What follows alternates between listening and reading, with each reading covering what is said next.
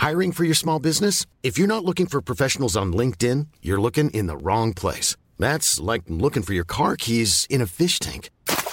LinkedIn helps you hire professionals you can't find anywhere else, even those who aren't actively searching for a new job but might be open to the perfect role. In a given month, over 70% of LinkedIn users don't even visit other leading job sites. So start looking in the right place. With LinkedIn, you can hire professionals like a professional. Post your free job on linkedin.com slash spoken today.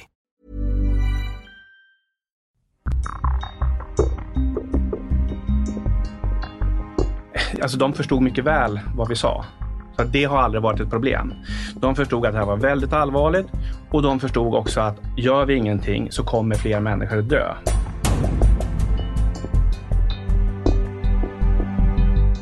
Ja, men vi börjar väl då och eh, hälsar välkomna till det första avsnittet av Visselpodden som är en podd som djupdyker i visselblåsningens dramatiska värld. Och vi som har den här podden är jag, Mikaela Åkerman. Och Pia Tevselius. Och den här podden är ett samarbete mellan SRS och Vissla. Och idag har vi en väldigt spännande gäst så vi ska inte sitta och vara långrandiga om oss själva. Men i och med att det är första avsnittet så är väl ändå en liten introduktion på sin plats. Eller vad säger du Pia? Det gör vi, vi börjar så. Ja. Vill du eh, berätta lite, vem, vem är du och vilken relation har du till visselblåsning? Jag eh, är polis i botten och har jobbat med utredningar i 15 år och började på SRS eh, i april i år.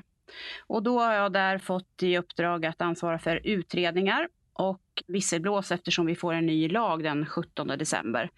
Och då erbjuder vi våra kunder att eh, använda oss för den visselblåslösningen så slipper man implementera den i sitt eget bolag eller myndighet. Mm. Och jag är journalist, bakgrund som nyhetsreporter framförallt på Svenska Dagbladet men driver även visselblåsarinitiativet Vissla som arbetar med att sprida nyheter och information om visselblåsning i syfte då att eh, försöka hjälpa till att stärka visselblåsningens roll i samhället. Och den här podden kommer ju ta upp alla möjliga eh, ämnen som har med visselblåsning att göra. Och eh, Pia, som du nämnde så tar vi bland annat avstamp i att Sverige då förmodligen kommer få en ny lag i slutet av året som syftar till att stärka skyddet för visselblåsare i Sverige. Och det här är eh, egentligen en förlängning av ett nytt EU-direktiv som vill stärka skyddet för visselblåsare i hela Europa. Men jag tycker vi går vidare och eh, introducerar vår första gäst som är Oskar Simonsson. Han är läkare och forskare vid Akademiska sjukhuset i Uppsala. Du, Oskar, är en av fyra svenska visselblåsare som larmade om forskningsfusk i det uppmärksammade Macchiarini-fallet. Och det här är ju ett eh, väldigt komplext eh, fall kan man säga. Men de som inte känner till det kanske bör veta i alla fall att Paolo Macchiarini är en kirurg och för detta gästprofessor vid Karolinska institutet. Han var en pionjär inom att operera in konstgjorda luftstrupar i människor. Och mellan åren 2011 och 2013 så genomförde Macchiarini fyra eh, sådana här operationer på ja, tre patienter. En patient genomgick två operationer. Och det här var då vid Karolinska sjukhuset. Samtliga av eh, de här patienterna har avlidit, i vissa fall då efter väldigt stort lidande. Och totalt om eh, man räknar in eh, operationer i andra länder så handlar det om åtta sådana här operationer och sju patienter är döda idag. Och på den enda överlevande så har man, om jag förstått saken rätt, tagit ut den här syntetiska luftstrupen. Maccarini, som har sina rötter i Italien, står åtalad för grov misshandel i Sverige sedan förundersökningen mot honom återupptogs i slutet av 2018. Och du, Oskar, kom i kontakt med Macchiarini när du arbetade på Karolinska institutet eh, och eh, fick ansvaret för att sätta upp en djurtestmodell för de här luftstrupsoperationerna. Och eh, det var under den här tiden som du upptäckte att de grisförsök som man sa att man hade gjort, de var faktiskt påhittade. Och eh, när du och dina kollegor började gräva i det här så upptäckte ni fler lögner. Ni har i tidigare intervjuer sagt att eh, ju fler stenar ni vände på, desto fler lögner hittade ni. Bland annat så märkte ni att det saknade etiskt tillstånd och godkännande från Läkemedelsverket för att eh, överhuvudtaget genomföra de här transplantationerna. Ni bestämde då för att slå larm, om jag förstått saken rätt, vid upprepade tillfällen. Men fick, eh, fick från ledningens sida höra då att det kunde sluta illa för er om ni fortsatte gräva i det här. Och eh, ni upplevde att Macchiarini skyddades av KI och har till följd av att ni valde att slå larm då utsatts för en lång rad repressalier. Är det en korrekt beskrivning och vilka typer av repressalier handlar det här om? Eh, ja, eh, det kan man säga. Det är lätt, nästan lättare att säga vilka repressalier man inte har blivit utsatt för. Men ja, dels har vi blivit polisanmälda. Eh, vi blev det av eh, dåvarande chefsläkaren eh, på Karolinska sjukhuset. Numera är han chefsläkare i Region Stockholm. Johan Bratt heter han. Det var också han som satt med och frikände Paolo Macchiarini för etiska övertramp och så vidare. Så det har vi blivit eh, och det fanns egentligen ingen grund för den anmälan. Och det har visat sig. Det finns en separat utredning som, som visar att vi har agerat eh, helt rätt av ett oberoende institut som har gjort den. Och sen så har det handlar om att tjänster kan försvinna eller tjänster man inte får. Det handlar om, det här är ju en större perspektiv, att ganska många av de här personerna som, som har skyddat Paolo Macchiarini, de, de sitter med i Vetenskapsrådet och andra eh, tongivande eh, organisationer som ger pengar som svenska folket egentligen antingen via skatt eller donationer har givit och de eh, ser till att vi inte får anslag då bland annat. Även om vi borde haft det. Va? Sen är det en enorm tidsåtgång. Vi, vi har räknat på det där vid, vid något tillfälle och då handlar det kanske om per person att vi har lagt ungefär 7000 timmar. Så det, det, kräver en enorm arbetsinsats för att driva det här. För någonstans i slutet av dagen så är det, är det nästan bara vi som har drivit hela ärendet framåt i alla instanser, mot alla odds kan man säga. Hade ni kunnat föreställa er det här när ni bestämde er för att slå larm? Kan du bara berätta om den processen? Ja, inte, kanske inte riktigt magnituden, men, men, men vi gjorde några saker som var, som var smarta och anledningen till att vi gjorde det, det var ett par antaganden vi hade. Vi, vi trodde att eh, Karolinska skulle mörklägga hela skandalen. Vi trodde också att vi skulle bli utsatta för repressalier. Och vi trodde också att Sverige i princip saknar kompetens för att göra den här typen av utredningar. Och i alla fallen fick vi rätt. Eh, och vad vi gjorde för att motverka det innan, och det var klokt. Ehm, annars hade jag troligtvis inte suttit här idag kan jag säga. Det var att vi gjorde hela utredningen från början själva. Och det är den enda utredningen där materialet finns sparat. De, eh, de interna utredningar som har gjorts av då Kjell Asplund på sjukhuset och eh, Sten Heckscher på KI, eh, där har man ju förstört allt material. Det vill säga man har förstört vetenskapen. Eh, och det finns ingen grund för det de säger. Så. Men våran finns sparad och väl dokumenterad, vilket också naturligtvis är viktigt i den kommande juridiska processen, att man inte håller på och förstör bevis på det här sättet. Eh, så att det gjorde vi för att motverka det hela. Sen gjorde vi ett par andra grejer som vi trodde var kloka, men som då inte eh, lyckades riktigt. Vi såg till att den här ansökan kom till centrala eh, etikprövningsnämnden som har till uppdrag att utreda den här typen av saker. De la bara ner utredningen, så det fungerade inte. Vi såg till att Kungliga Vetenskapsakademin hade materialet och de gjorde heller ingenting. Och vi såg till att Kjell Asplund eh, som då hade en etisk roll fick den här ansökan, men han vågade inte heller göra någonting. Så att, så att de sakerna som egentligen var rätt kloka, de fungerade inte. Utan det som då så småningom hände, det var att New York Times eh, plockade upp en, eh, den här historien. Eh, och dagen efter eh, de publicerade en artikel så eh, då började Karolinska göra en intern utredning som man sedermera gick emot. kan man säga. Och vad, vad fick ni då för första reaktion när ni eh, kontaktade ledningen på Karolinska? alltså de förstod mycket väl vad vi sa. Så det har aldrig varit ett problem. De förstod att det här var väldigt allvarligt och de förstod också att gör vi ingenting så kommer fler människor att dö. För det är egentligen det vi pratar om.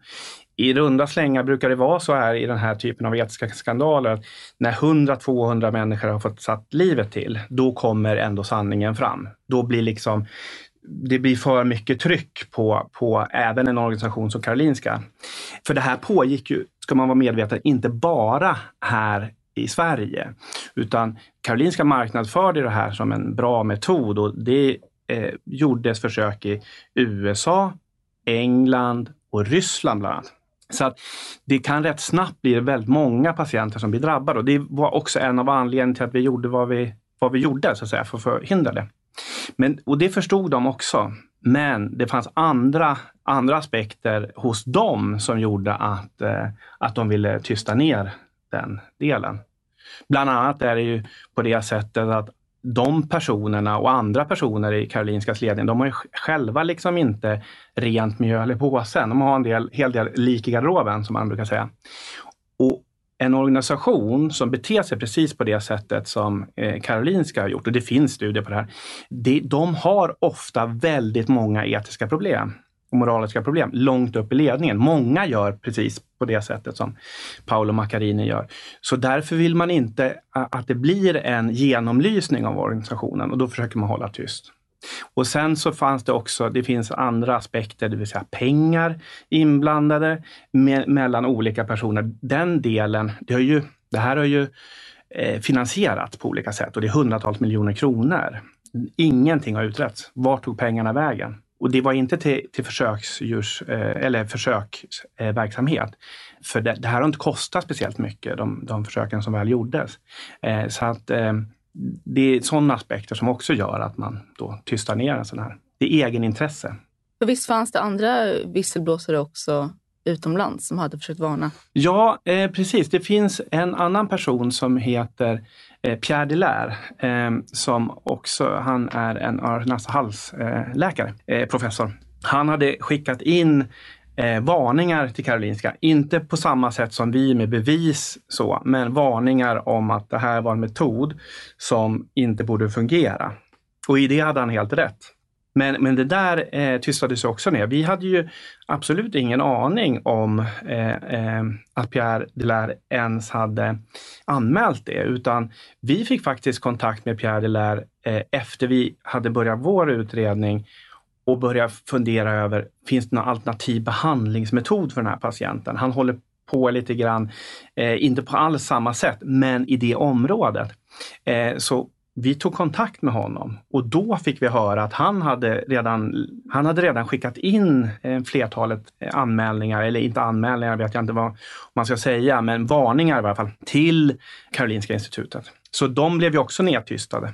Jag tänker så här, jag som kommer ifrån säkerhetsvärlden och eh, det bolag där jag jobbar idag, där är ju vi väldigt noggranna med att innan vi anlitar till exempel en underleverantör eller ska inleda ett samarbete med någon, så gör vi en bakgrundskontroll på den personen. Och jag tänker i eran värld, verkar det ju inte som att man gjorde det då. Det, gjorde, är det, det gjordes det faktiskt. Göra det? Ja, men det gjordes faktiskt det lite grann på när det gäller Paolo Maccarini också. Och, eh, och där kom det fram en, en hel del problematiska saker som man eh, valde att ignorera. Så, så kan man säga.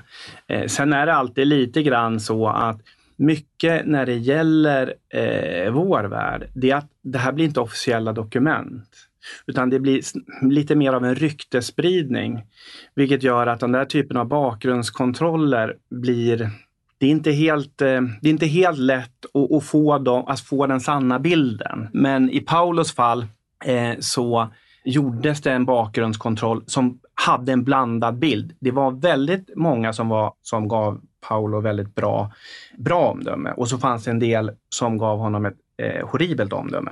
Och, och de, jag kan säga att de där som gav honom ett horribelt omdöme, de kom inte fram i processen riktigt. Hade ni någonsin någon tanke på att vända er eh, liksom externt till media eller någon annan liksom, instans i ett tidigt skede när ni inte fick det gehöret som ni kanske hade hoppats på? Eh, Eh, om jag ska vara riktigt ärlig, eh, nej, men det kanske vi borde haft i tidigare läge kanske. Men vi på något sätt tänkte ändå att vi borde kunna liksom kämpa igenom det här, att systemet någon gång ändå borde förstå någonting. För, för det, handlar liksom, det handlar inte bara faktiskt om Karolinska, utan det är IVO, Socialstyrelsen, alla har en möjlighet att reagera i ett sånt här fall som, som, som är så pass viktigt för, för patienter och patientsäkerhet. Det kanske var lite naivt då, då eh, att eh, absolut ingen reagerade, men vi försökte väldigt, väldigt länge. Och innan dess så hittade eh, media det här fallet, så kan man säga, i och med att det blev publika dokument i mångt och mycket. Och nu har det då kommit en ny brottsrubricering. Grov misshandel står Macchiarini åtalad för. Hur ser du på den här nya brottsrubriceringen och eh, kan du berätta lite om situationen för, för er visselblåsare just nu? Alltså om vi börjar med, med, med åtalet så eh, vi har alltid sagt att det, jag tycker det är vettigt att, att det här blir en, en publik domstolsprocess där man faktiskt, det har varit så mycket, många lager av mörkläggningar, inte bara initialt av, av, av Karolinska utan fortsatt även i de här utredningarna väldigt mycket som inte har kommit fram. Eh, där man har valt då aktivt också att förstöra det materialet som, som eh, utredningen bygger på. Så därför är det ändå viktigt att, eh, att det blir en domstolsprocess eh, där det ändå eh, finns också en möjlighet för Paolo Macchiarini att försvara sig mot de anklagelserna. Och då kommer förhoppningsvis en sannare bild fram. Det är ju i alla fall en tanke med en domstolsprocess.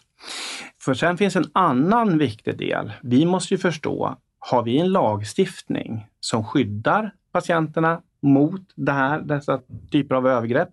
Eller är det här tillåtet i Sverige? Det är jätteviktigt för svenska patienter att faktiskt veta det.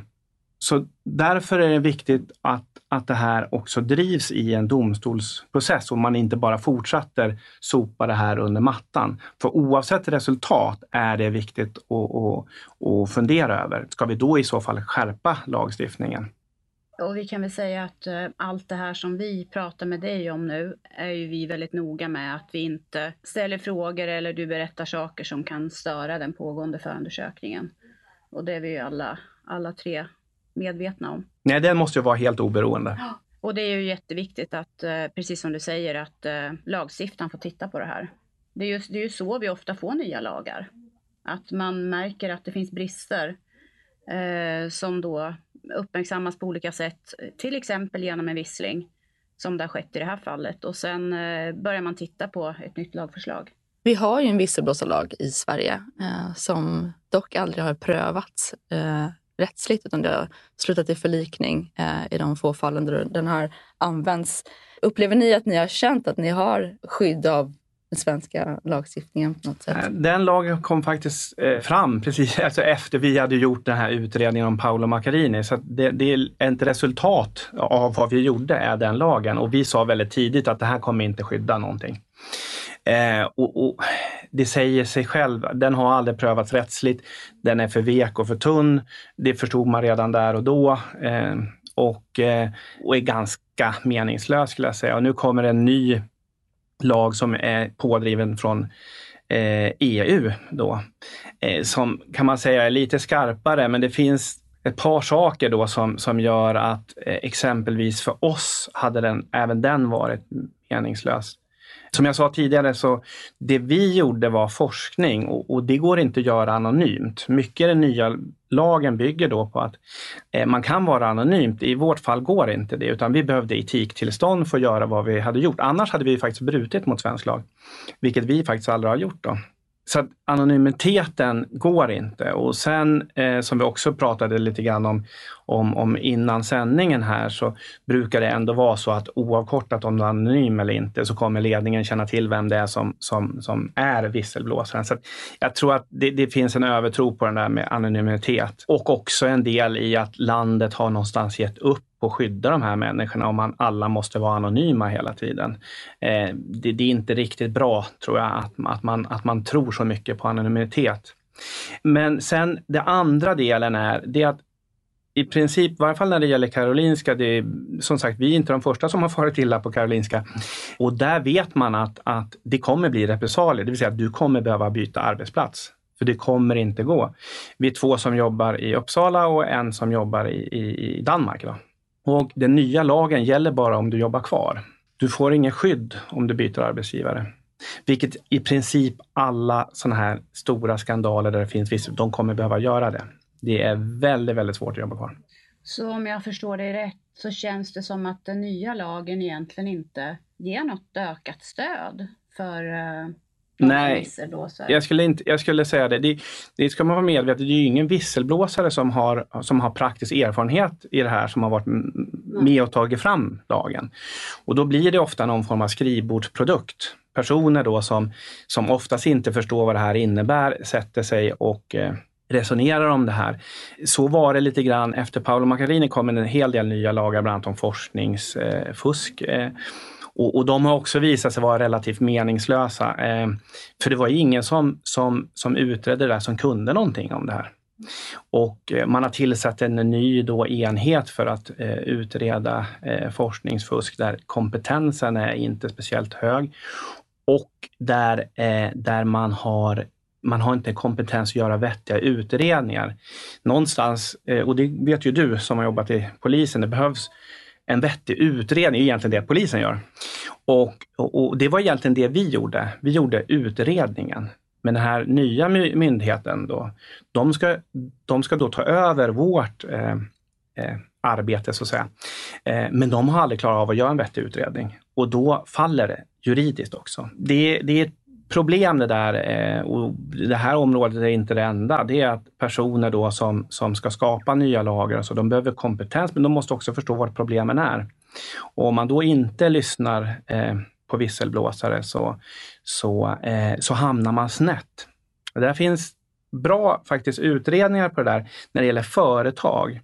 De företagen som faktiskt har lyssnat på visselblåsare, de klarar etiska skandaler väldigt bra och hamnar bättre. Ofta blir de mer konkurrenskraftiga och så vidare. Så det är positivt för själva företaget att göra det. Och de som inte gör det hamnar ofta väldigt snett och kommer aldrig riktigt ur skandalen. På samma sätt är det här, man borde också, eh, tror jag som lagstiftare, eh, fundera på, okej, okay, ska vi inte fråga personer som faktiskt kan någonting om det här? Var, vart är problemen? Eh, men det, det blir i slutet av dagen en politisk fråga. Om du hade fått önska hur den nya lagstiftningen skulle ha sett ut mer anpassat efter vad du säger, att man lyssnar på visselblåsaren. Vad skulle vi kunna ha ändrat och lagt till? ja, alltså jag, tror, jag tror bland annat att det här med, med att man måste vara kvar på arbetsplatsen, eh, det, det är helt eh, det är helt ogörbart. Så det, det, måste, skyddet måste gälla oavkortat om, om du jobbar kvar eller inte. Det, det säger sig självt på något sätt. Eh, men sen så tror jag att det finns en väldigt kraftfull åtgärd man, man kan eh, eh tillföra. I Sverige är det så att du kan driva repressalier eh, väldigt hårt mot eh, visselblåsare utan att du drabbas av någon form av personliga konsekvenser. Om det däremot skulle vara olagligt att göra det, då tror jag att det här skulle se väldigt annorlunda ut. Om det vill säga att den som faktiskt bedriver den här typen av trakasserier eller, eller hotar människor på det här sättet, alltså i vårt fall regelrätta hot, om det skulle bli kriminellt, då är det inte så många som skulle våga göra det. Så att jag tror att man måste lägga över en del, del av ansvaret på, på de personerna som faktiskt begår brotten så att säga. Nu glider jag in lite på dina tips till andra som vill visselblåsa. För att, eh, då vet jag att du har sagt att ta hjälp om du kan av kollegor mm. eller folk i din närhet. Också att vara fackligt ansluten. För visst mm. var det så att ni hade ett visst fackligt stöd under en del av den här processen? Mm. mm. mm vi skulle få avsked. Då gick eh, facket in. Så det, det har varit bra. Andra saker som man ska tänka på om man vill visselblåsa? Alltså, det beror säkert på vilken situation och, och så. Eh, sån där. Eh, I vårt fall har vi eh, det, det, är ju det är rätt tungt arbete ska man vara medveten om, men vi har ju haft enormt eh, mycket glädje av att vi gjorde hela vår utredning. Och att den var så noggrann. Det är som sagt det är många hundra sidor. Men och med bevis och eh, Eh, den är väldigt tydlig. Eh, och vi har dessutom översatt den till engelska, både svenska och engelska, så ingen ska kunna missförstå och sådär. Eh, men eh, det har vi haft väldigt stor nytta av. Eh, om man orkar göra så det, ska man nog göra det. För det är för sent om, om organisationen gör, agerar på samma sätt som Karolinska. Om du inte har gjort det där från början, då är det för sent att göra det sen, kan jag säga. Så, så, och de kommer försöka belasta dig själv. Det har ju de gjort i alla år med oss och säga, säga att ja, men vi hade inte rent mjöl i påsen och det ena med det andra. Det är liksom en, en naturlig följd av den typen av struktur eller, eller den typen av organisation. Va? Eh, så att, och, och, har du inte gjort det där från början så, så är det körd sen. Sen en grej som vi inte gjorde, som jag tänkt på efteråt. Jag tror man ska ta kontakt med jurister dag ett. Det är kostsamt, det är dyrt, det kostar mycket pengar. Eh, men det är nog också väldigt viktigt. Så vi gick in i det här Eh, utan eh, juridisk hjälp. Och nu har jag på något sätt ja, lärt mig. jag har varit tvungen att lära mig lagen och, eller lagarna eller, eller hål i lagen eller brister med lagen. Men, men, men det är inte så lätt som privatperson att kunna allt det där och det tror jag att eh, och det är också en stor nackdel med den nya visselblåsarlagen. Man har ingen rätt till juridiskt stöd. Och det borde det ingå. Vad har ni fått för annan eh, respons eller stöd? Jag tänker till exempel din nya arbetsgivare eller andra. Hur har ni bemötts? Alltså, eh, vårt ärende kanske skiljer sig från, från andra, det är svårt att säga. Men dels är det väldigt publikt, så vi har alltid haft och känt av eh, och får fortfarande eh, tackbrev och så från svenska folk. Vi har haft, alltid haft ett väldigt starkt folkligt stöd. Så det har varit bra. Och vi har haft ett väldigt starkt stöd från andra läkare, exempelvis eh, Läkarförbundet och sådär, eh, som tycker att vi har gjort eh, helt rätt. Eh, eh, så att, eh, och vi har ett bra stöd i, i Uppsala där vi arbetar nu. Men politiskt, ingen som har kontaktat er? Och... Nej, det kan man säga att där har det där har intresset varit svalt. det, och det bygger på att vi vi kommer ju inte, vi agerar ju inte politiskt. Och vi kommer ju så att säga ha vissa saker som vi kommer framföra i en sånt möte. Och det bygger på, på det som är sant. Det vill säga att man borde faktiskt gå till botten och göra en vettig utredning på hela skandalen. För det, det, är nämligen så att det är inte bara Karolinska som har fallerat, det är nästan hela svenska systemet som har fallerat kring det här och, och, och, och säkerhetsaspekter. Och det borde man faktiskt utreda på ett bra sätt så att det inte händer igen. Det, och det är, tror jag, eller har visat sig vara en väldigt politiskt känslig fråga. Eh, någonstans är det så att svenska patienter har, har ett bara ett begränsat skydd och, och oftast är det så när det går väldigt snett så är det det, det, det skyddet det kan vara sjukvårdspersonalen, det vill säga läkare, sköterska eller undersköterska eller vad det är för någon som ställer upp och är patientens advokat. Och det är det som, som i stora drag då eh, Karolinska aktivt raserar det förtroendet, för då vågar inte nästa person. Det är ju därför man har gjort, agerat precis på det sätt som man har gjort. Det är för att man vill motverka att nya personer då ställer upp på andra patienter i framtiden. Cyniskt, men det är den reella sanningen. Va? Eh, och det där är väldigt skört, det där systemet. Och därför vore det vettigt att man faktiskt gick till botten med det här. Så man såg till att det här får inte hända igen. Eh, men, men eh, våra dörrar står öppen om det finns eh, politiker som är intresserade av att lära sig mer om detta och så. Vi är inte farliga på något sätt. Jag tänker den här nya lagstiftningen den kräver ju att alla företag och även myndigheter som har fler än 50 anställda måste inrätta en intern visselblåsfunktion. Om det hade funnits en sån, vilket jag förstår på dig att det inte finns på på din arbetsplats, ja, det, på din gamla arbetsplats? Ja, det finns nu. Mm. Det finns nu, men mm. det fanns inte då. Hade det, hade det hjälpt tror du? Nej, inte det minsta. Nej, nej. Det är som, det är som, som eh, Karolinska hade ett etikråd. Då, ja då togs Macarina upp i det där etikrådet eh, och där satt några då, eh, utav Karolinskas professorer, en heter Gert eh, Helgesson eh, och eh, en heter Nils Lonne. Och dessutom så satt eh, Göran Lamberts med som, som ni alla känner till som juridisk expert och de friade ju Paolo eh, från alla etiska problem trots att man då visste att, eh, att det saknades etiska tillstånd. Va? Det var väldigt klart eh, då. Så det är, och det är lite samma personer som sitter i det här nya etikrådet på så sätt så blir det att det är väldigt svårt att utreda den här typen av saker internt. För, och det, där kan du se också problem när det gäller chefsläkarfunktionen. Eh, så, som, där, där det är en del som, som lyder då under ledningen. Johan Bratt som var chefläkare då på Karolinska, han kände ju till vilka fel som hade begåtts, hur patienterna drabbats. Och ändå så står han dels på presskonferensen och friar Paolo Macchiarini från alla dessa etiska övergrepp. Och i Bosse Lindqvists dokumentär så säger han att det här är liksom by the book, det är, det är inga problem. Um, mm, det är den, den typen av interna funktioner fallerar i princip alltid, ska jag säga.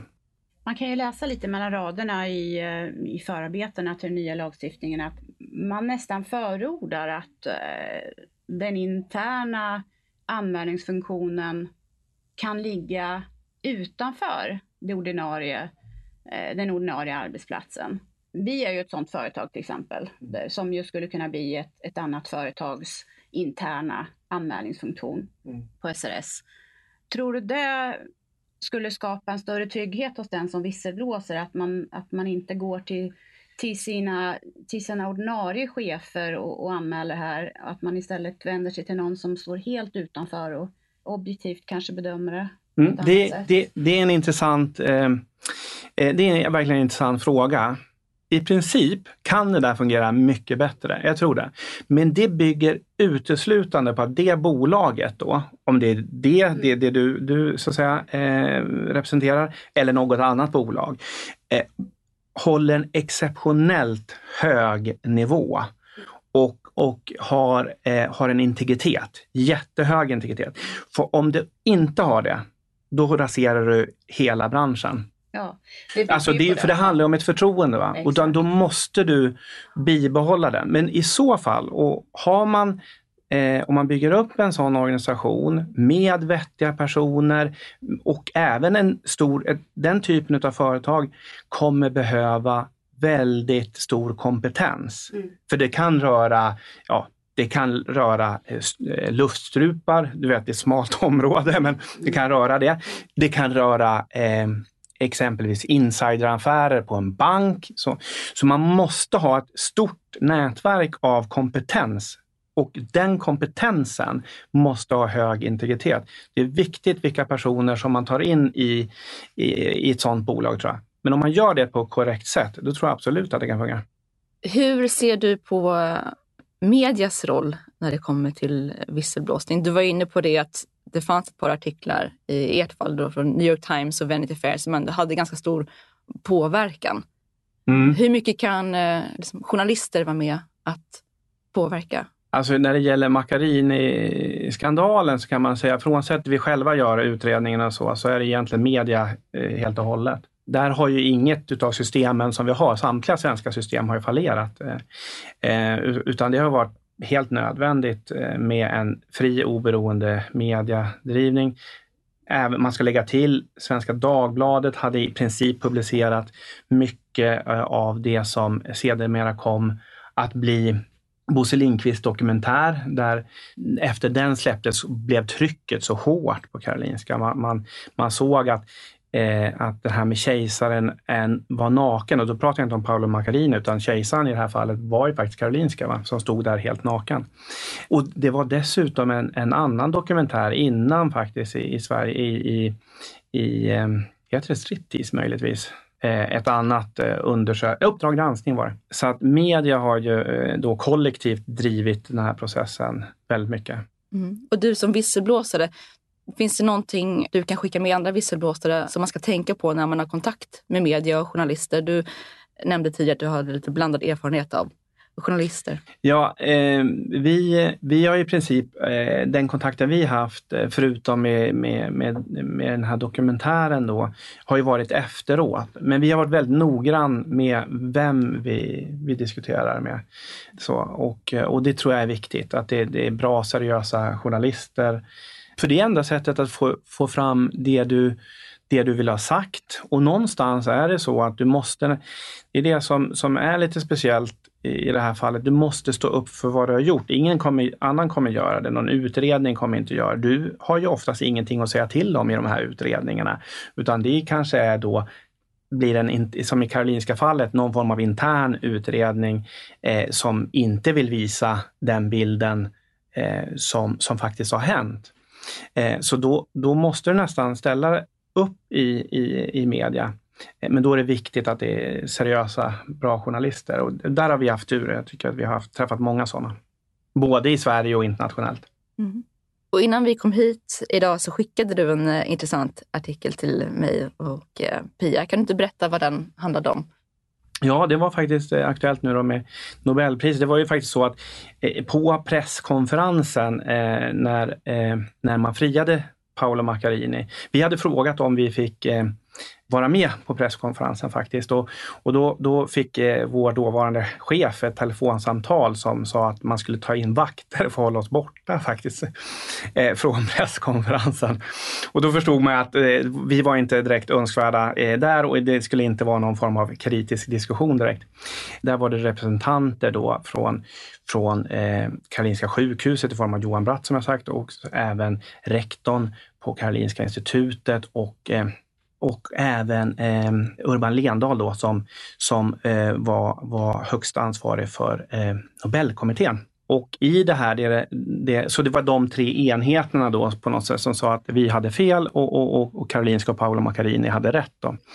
Och i det här, eh, den här artikeln så tar den upp det här fallet som fortfarande då är aktuellt och, och varnar resten eh, av världen för att, att egentligen följa då Karolinska och Karolinskas exempel. För att Problemet med det här, det är just detta att om man beter sig på det här sättet, dessutom eh, utsätter eh, visselblåsare för hot eller repressalier som vi faktiskt fortfarande får utstå, eh, så, så gör det att, att alla blir tysta.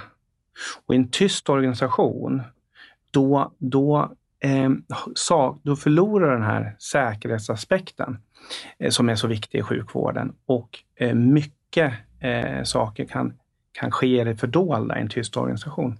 Så att det är en stark varning då till resten av världen att inte följa Karolinskas exempel. Väldigt bra artikel faktiskt. Ni har ju fått betala ett ganska högt pris för att vara visselblåsare. Eh, känner du idag att det har varit värt det? Ja, den där frågan får man ofta. Eh, väldigt speciell fråga på något sätt. Eh, värt eh, det i, i reda pengar? Nej, alltså du vet, vi har ju förlorat, jag har ju förlorat miljontals kronor på att göra det här. Så, att, så att det, på så sätt har det ju inte varit värt det. Eh, eh, samtidigt i, i vårt fall handlar det om att det här pågick i, i många delar av världen. Det är väldigt många personer som hade fått sätta livet till under väldigt plågsamma eh, delar, eh, eller eh, väldigt plågsamma omständigheter. Och eh, någon var tvungen att, att, att, agera och eh, vi gjorde det och jag hade gjort det i, morgon igen under samma förutsättningar kan man säga. Ja, för visst är det väl så att, att uh, när man kommer till den punkten att man känner att uh, man måste göra det, då, då spelar det liksom ingen roll. Uh, man kan inte föreställa sig hur, hur hur jobbigt man kommer att få det, men det känns ändå så viktigt att man, eh, att man berättar. Eh, alltså det är min erfarenhet också från mitt gamla jobb, att man kommer till en punkt där man måste berätta. Och då vet man ju inte riktigt vad man kastar sig ut i. Nej, nej för, och för oss handlar det, det har aldrig handlat egentligen om Paolo Macchiarini som sådan. Vad vi ville egentligen åstadkomma, det var att stoppa den här operationsmetoden. Det var egentligen det och det har vi ju lyckats med. Eh, men eh, och sen har det naturligtvis varit, varit tuffare än man har kunnat föreställa sig. Men, men, eh, men det som också är lite, eh, lite eh, intressant, ofta går det rätt tungt för visselblåsare, de blir knäckta. Det, det, det är ju så. Eh, vi har ju på något sätt, eh, vi har ju på något sätt eh, vunnit, om man nu kan se saken som en, en, en vinst någonstans, på så sätt att när det här debatteras, i princip i alla, alla fall inom, om vi är på tv eller så, så, så bjuds ju Karolinska institutet och sjukhuset in. De vågar aldrig komma. De vågar aldrig någonsin debattera. De vågar aldrig sätta sig i en stol framför oss. Och det är för att de vet att vi har rätt och de har fel. De vet ju det. Så, och då vill du inte ha den debatten. Och det i sig är en vinst. Om man ser framåt, vad hade ni önskat skulle hända för att ni ska känna att ni har fått upprättelse? Är det att ni frias från alla typer av anklagelser eller vad ser du framåt hade varit det bästa om du fick önska? Ja. Alltså upprättelse och upprättelse, det har liksom gått nu vad kan det vara, sju år eller något sånt där motsvarande. Eh, det är ännu mer kanske. Ja. Och jag kan säga, för det där kan jag av erfarenhet, Karolinska kommer, du vet, de kommer, eh, de kommer attackera oss tills den dagen vi dör. Så, så, det är den typen av organisation, det kan man räkna med. Och, och det får de väl hålla på med då, på något sätt om, om, om de inte kan växa upp mer än, än eh, på det sättet. Eh, och, och, så det, det, får, det får vara så. Det, vi driver däremot en process nu i Europadomstolen, eh, vilket är väldigt intressant. Vi gör det egentligen inte för vår egen skull. Det vi då också upptäckte i, i det här eh, fallet är att vi eh, har ju vi har anmält någonting. Det här är egentligen, det här skett på en statlig institution. Det är staten som äger Karolinska institutet och det är landstinget som äger Karolinska sjukhuset. Så följaktligen är det, och det är finansierat och sanktionerat av eh, då svenska staten. Så det är statliga övergrepp. Och vi har gjort det och insett att vi saknar totalt skydd. Absolut nollskydd. Eh, jag har då blivit klandrad, eh, oklart exakt vad det där betyder men, och varför. Jag förstår inte ens varför jag är klandrad, för det framgår inte. Och då, då får man den typen av smutskastning då, eh, slängt på en organisation som naturligtvis inte kommer gilla mig, för jag har gjort det de inte ville. De ville ju mörklägga det. Men då finns det inget skydd i Sverige. Och det är, det är på det sättet att man kan inte ens rättsligt försvara sig mot den där delen. Och det har vi tyckt är ganska farligt för ett samhälle att det där är man ju mer van vid i diktaturer kan man säga, att den typen av eh, hantering. Ehm, så därför driver vi den processen och det är egentligen för då alla svenska eh, medborgare som då möjligtvis kan hamna i en liknande situation där staten då ehm, bestämmer sig att eh, av ett eller annat skäl gillar inte vi er.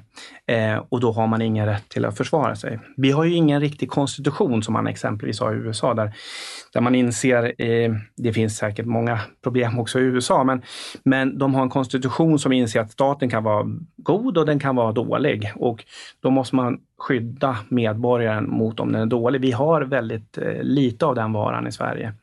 Eh, och det där kanske måste bli ändring på. Nej, en öppenhet är ju ehm, att kunna vara öppen med det som inte fungerar. Det är ju det, är ju det optimala. I, ja. i, i, alla företag, i jag menar, myndigheter och är på något sätt så vi vill ha det. Absolut. Men, och det... Eh, jag tror tyvärr aldrig att det kommer bli så. Och det är, väl, det är väl också därför vi behöver ha en lagstiftning och lite grann av det du berättar också, att vi kanske behöver vässa den ytterligare då, även om den inte ens har trätt i kraft än. Nej, men det, precis så är det. Alltså, det kan du se från det här fallet väldigt tydligt. Karolinska har ju aldrig öppet medgett att de har fel eller så. De har alltid tvingats till saker. Tvingas till saker. Och oftast har det varit genom eh, publikt tryck vill säga svenska folket, journalister, vad det nu kan vara för någonting. Eh, så de, men de har aldrig någonsin självmant gjort någonting. De, de hade ju kunnat gjort saker, e, e, exempelvis efter den här dokumentären eh, blev känd och släppt. Då hade de kunnat ta i det här ärendet själv. Det gjorde de inte, utan de blev tvingade varje millimeter på vägen. Och, och, och det är lite tragiskt faktiskt på något sätt. Eh, sen tror jag att det alla organisationer är inte riktigt så här. Det här är lite grann av en, av en eh, i det sämre skolan ska man säga. Eh, för en del organisationer har ett självintresse av, av, av att organisationen mår bra och sådär. Eh, det finns ett annat eh, fall internationellt som handlar om forskningsfusk och på, på Harvard som är en väldigt bra, bra ansett eh, amerikansk universitet och de har inte alls hanterat det på, på samma sätt. Så att säga. Så att, eh, utan eh, på, på eh, mycket, mycket bättre sätt. För de vill att Harvard ska finnas, inte bara om ett och två år. Och det är inte så att Harvards rektor bara vill att han själv tjänar så mycket som möjligt på detta, utan man vill att Harvard du vet, eh, är är framgångsrikt aktat om 50-100 år. Så att det beror lite grann på vad man har för, för eh, organisationskultur, ska jag säga. Och det är också det som, som är fascinerande i, i, i, faktiskt i det här ärendet. Någonstans, så Karolinska är ett medicinskt universitet. Sjukhuset bedriver sjukvård. Och är det någonting som har man totalt har ignorerat i hela det här ärendet och även i de här utredningarna som har gjorts, så är det patienten. Man har inte ens in, intervjuat de anhöriga till patienterna. Vilket är horribelt. Det, har, det finns inte en internationell medicinsk skandal där det har hänt.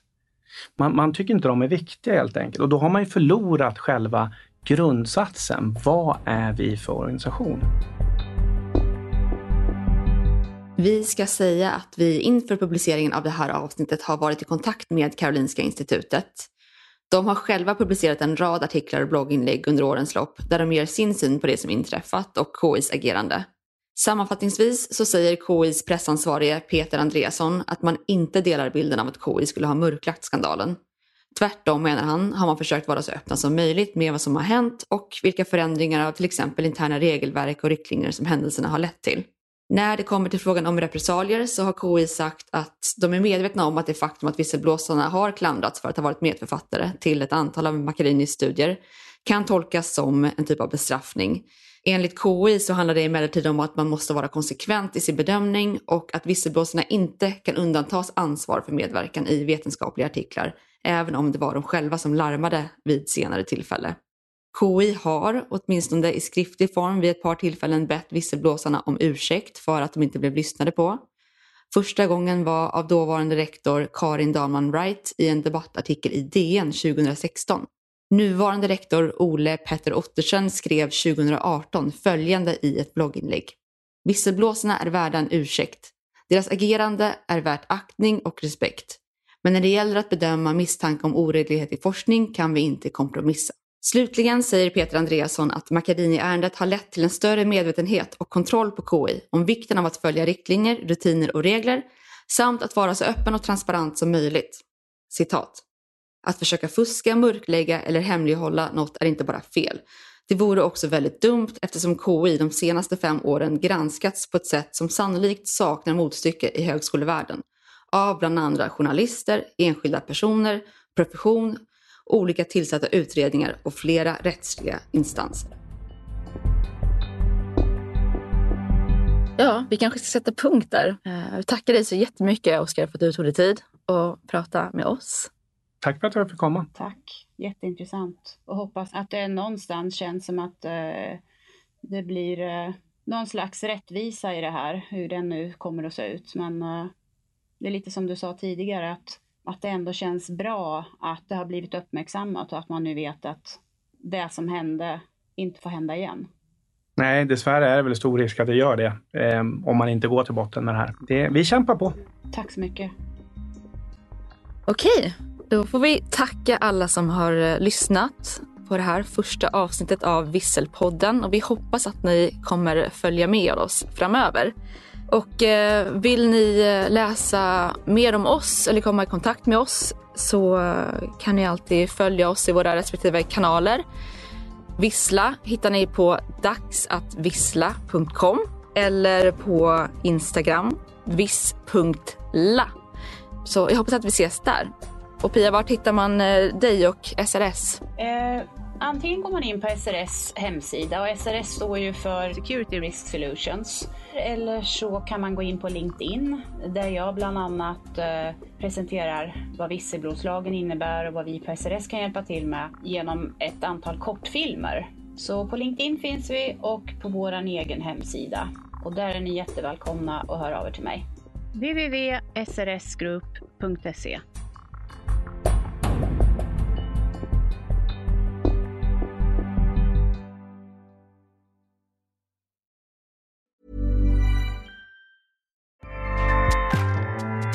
ACAST powers the world's best podcasts.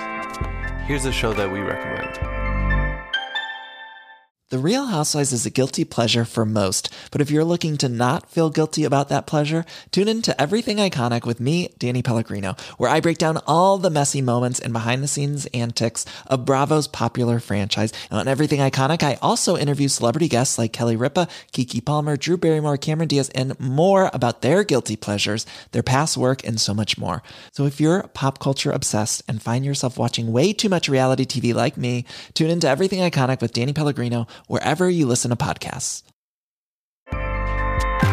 ACAST helps creators launch, grow, and monetize their podcasts everywhere ACAST.com.